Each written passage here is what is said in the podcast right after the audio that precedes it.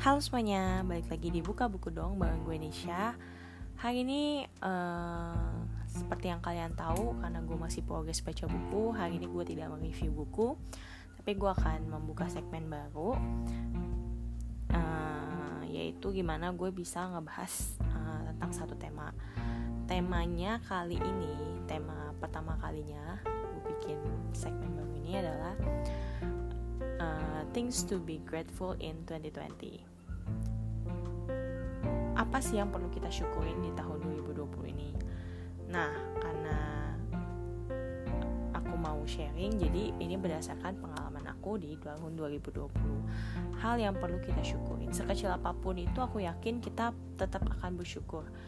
Karena apa? Karena jangan melihat hidup kita cuma dari sisi yang susahnya aja, sulitnya aja, tapi ternyata Tuhan itu punya rancangan yang baik untuk kita semua. Jadi sekecil apa pun itu tetap harus patut kita syukuri. Nah kalau gue 2020 sebenarnya tahun yang berat, hmm, berat menurut gue karena gue mengalami banyak uh, kekecewaan sepanjang tahun di beberapa bulan sih bukan sepanjang tahun di beberapa bulan uh, 2020 dan yang seperti kalian tahu ini sudah di penghujung tahun 2020 ini udah bulan November guys. Sebulan lagi Desember and then jeng jeng 2021 nah jadi yang bisa menurut gue gue syukurin adalah kalau gue runut-runut dari awal tahun sebenarnya cukup banyak ya ternyata apa yang perlu gue syukurin di tahun 2020 perjalanan gue mulai dari tanggal 1 Januari deh. 1 Januari um, hal yang patut disyukuri adalah gue bisa kumpul sama keluarga gue di tanggal 1 Januari. Cis itu sama cici kandung gue sama koko kandung gue. Uh, kita mereka sudah berkeluarga jadi uh, dua keluarga plus gue. Jadi tiga lah ya bertiga gitu intinya. Nah terus uh, masih gue syukurin karena apa gue bisa ngumpul masih dikasih kesempatan ngumpul bareng mereka. And then next step uh, tanggal 5 Januari wih, ini yang paling excited sepanjang tahun 2020 gue. 5 Januari gue boleh berangkat ke Jepang. Uh, ini persiapannya cukup berat setahun dan which is bener-bener apa ya kayak sebenarnya hampir gak jadi karena gue galau waktu itu. Gue pengen banget ke Jepang tapi gue nggak bisa pergi sendiri kan. Maksudnya kayak hello lu mau pergi sendiri di negeri orang yang gak pernah lu datengin? Wah nggak kebayang lah kayak gitu. Nah kebetulan waktu itu sebenarnya ada dua pilihan antara ikut teman gue yang satu uh, dia mau pergi sama temennya atau ada, ada satu lagi uh, teman gue uh, suami istri mereka juga mau pergi. Jadi pilihannya ada dua pilihan. Antara ikut sama teman gue yang pertama atau teman gue yang kedua. Uh, tapi teman gue yang pertama juga tentatif belum tentu jadi pergi. Cuman setelah pertimbangan kayaknya sebenarnya udah direncanain dari dua tahun sebelumnya. Cuman kayak masih galau bimbang bimbang bimbang gitu. Dan menentukan waktu yang pas untuk gue pergi ke Jepang dengan rencana gue akan meninggalkan pekerjaan gue dua minggu akhirnya diputuskanlah di Januari 2020 dan gue pergi bareng teman gue yang suami istri.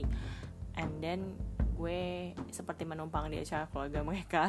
Tapi sebenarnya kita yang pergi duluan cuman mama papahnya teman gue yang cewek ikut. Jadi kita pergi berlima. Nah itu persiapannya yang seperti tadi gue udah bilang dari dua tahun. Dan bener-bener persiapan matangnya tuh setahun sebelumnya. Gue mulai dari uh, memutuskan untuk rutenya ke mana aja itu bareng teman gue. Walaupun sebenarnya thanks to teman gue thanks to Cikledis uh, dia yang menyusun segala sesuatunya dan gue hanya terima jadi kayak gitu ya. Terus belum minta izin sama atasan gue. Saat itu gue cukup punya peranan penting. Soalnya di kerjaan gue juga sebenarnya nggak handle sesuatu kan dan gue pergi tinggal dua minggu itu gue harus mewariskan uh, pekerjaan gue yang biasanya rutin gue kerjain ke teman gue. Nah itu juga pokoknya pokoknya gue mau minta izinnya gue takut kayak diizinin gak ya? Tapi uh, teman bilang udah minta izinnya nanti aja kita udah beli tiket baru minta izin. Pasti dikasih lah kayak gitu. Lagi pula dua minggu itu sebenarnya nggak mm, nggak mm, berat banget karena gue pergi di saat bukan jam-jamnya gue sibuk apa bukan tanggal-tanggal gue sibuk oke. Okay. akhirnya gue setelah memutuskan karena gue nggak mungkin pergi bulan Desember karena gue pasti bulan Desember banyak kegiatan terutama di gereja. Terus akhirnya gue memutuskan oke okay, Januari. Terus gue nggak mungkin mengambil Januari akhir karena gue uh, kerjanya di bagian payroll otomatis gue harus bikin payroll segala macam gue memutuskan di awal. Sebenarnya itu udah complicated banget lah. Memutuskan akhirnya pergilah juga tanggal 5 Januari itu. 5 Januari gue pikir semua akan berjalan lancar gue akan bertemu segala sesuatunya. Tapi ternyata banyak hal-hal kejadian di Jepang yang uh, awalnya kita nggak kita ngerasa ih kocak uh, kok bisa sampai kayak gini? Tapi ternyata setelah kita flashback itu adalah pengalaman-pengalaman seru tersendiri aja uh, saat kita ke Jepang. Jadi sekarang kalau kita gue khususnya sama teman gue kalau cerita tentang Jepang kita pasti selalu ketawa-ketawa pas bagian itu kayak gitu. Jadi waktu hmm, awal yang gue pikir lancar gue tuh persiapan bener-bener persiapan uh, secara mental dan fisik asik. Karena gue tahu di Jepang kita bakal jalan kaki terus dan gue udah persiapan baju dingin segala macam semuanya udah dari Jakarta. Tiba-tiba gue nyampe sana karena perbedaan suhunya agak lumayan. Karena gue ke uh, gue nyampe sana di Sapporo ya gue bilang di Sapporo. Terus gue pergi ke uh, dari Sapporo pindah kota ke Asahikawa. And then itu ada di atas jadi kayak apa ya semakin atas tuh biasa cuacanya semakin uh, dingin gitu. Karena kan jauh dari garis tengah katulistiwa itu ya. Jadi semakin dingin lah intinya. Dan bener-bener kayaknya lupa sih minus berapa. Cuman kayak ekstrim banget lah perubahannya dari Indonesia yang panas terus tiba-tiba berubah jadi dingin banget. Itu gue sempat gak makan juga karena gue merasa kenyang di pesawat. Padahal menurut gue itu ternyata harus makan akhirnya gue pusing lemes dan kayak kelayangan gitu loh. Akhirnya kita berubah itinerary-nya. Jadi dia yang mestinya ke mana akhirnya ditukar ke hari kedua. Jadi gue di hari pertama gue melakukan itin gue yang simpel di hari kedua. Terus uh, akhirnya karena itu akhirnya ya sedikit kecewa dikit ya harus berubah dikit itinnya. Tapi ternyata sama funnya kayak gitu terus akhirnya besoknya gue pergi uh, menggantikan intin gue yang pertama. Uh, malamnya sih sebenarnya malamnya yang diganti kalau siangnya tetap sesuai rencana. Kita ke Ramen Village and then uh, di sana ada cerita lucu. Jadi kita kan di daerah Asahikawa itu kayak kampung gitu loh guys. Jadi kayak uh, pokoknya kereta tuh paling jam 8 jam 9 udah bubar.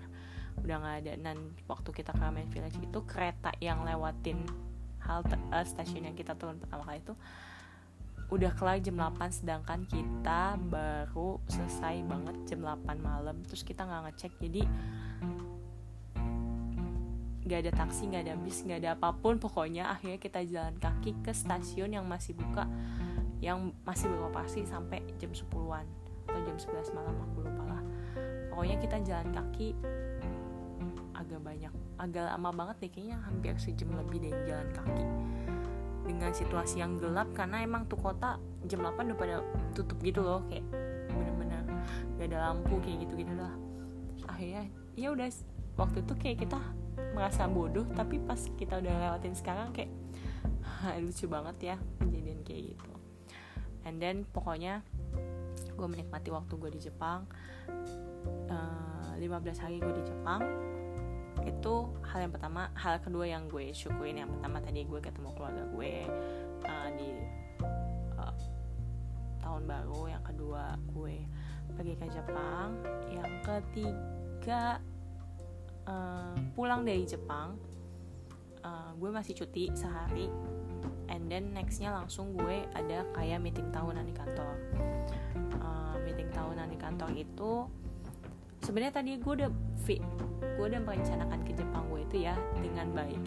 Gue nggak mau ikut meeting tahunan. Jadi gue udah bener-bener kayak uh, meeting tahunnya tanggal tanggal 23 atau 22 pokoknya 21 gue 20 gue pulang. Oh 22 20 gue pulang 21 gue masih cuti 22 jadi tadinya gue berpikir meeting tahunnya itu tanggal 21 jadi gue pikir gue masih bisa cuti dan gue tidak ikut meeting tahunan itu. Ternyata meeting tahunannya tanggal 22 akhirnya gue ikut lah gue ikut.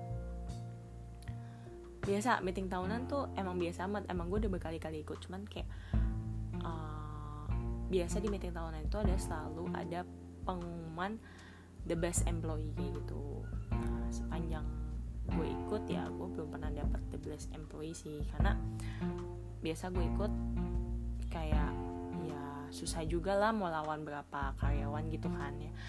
Best employee gimana ceritanya gitu lah intinya.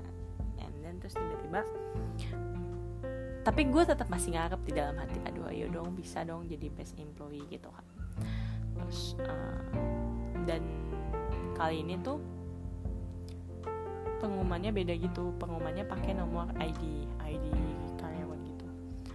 terus gue ngikutin. Jadi pas dia mau umumin the best head uh, head itu kayak semacam like assistant manager.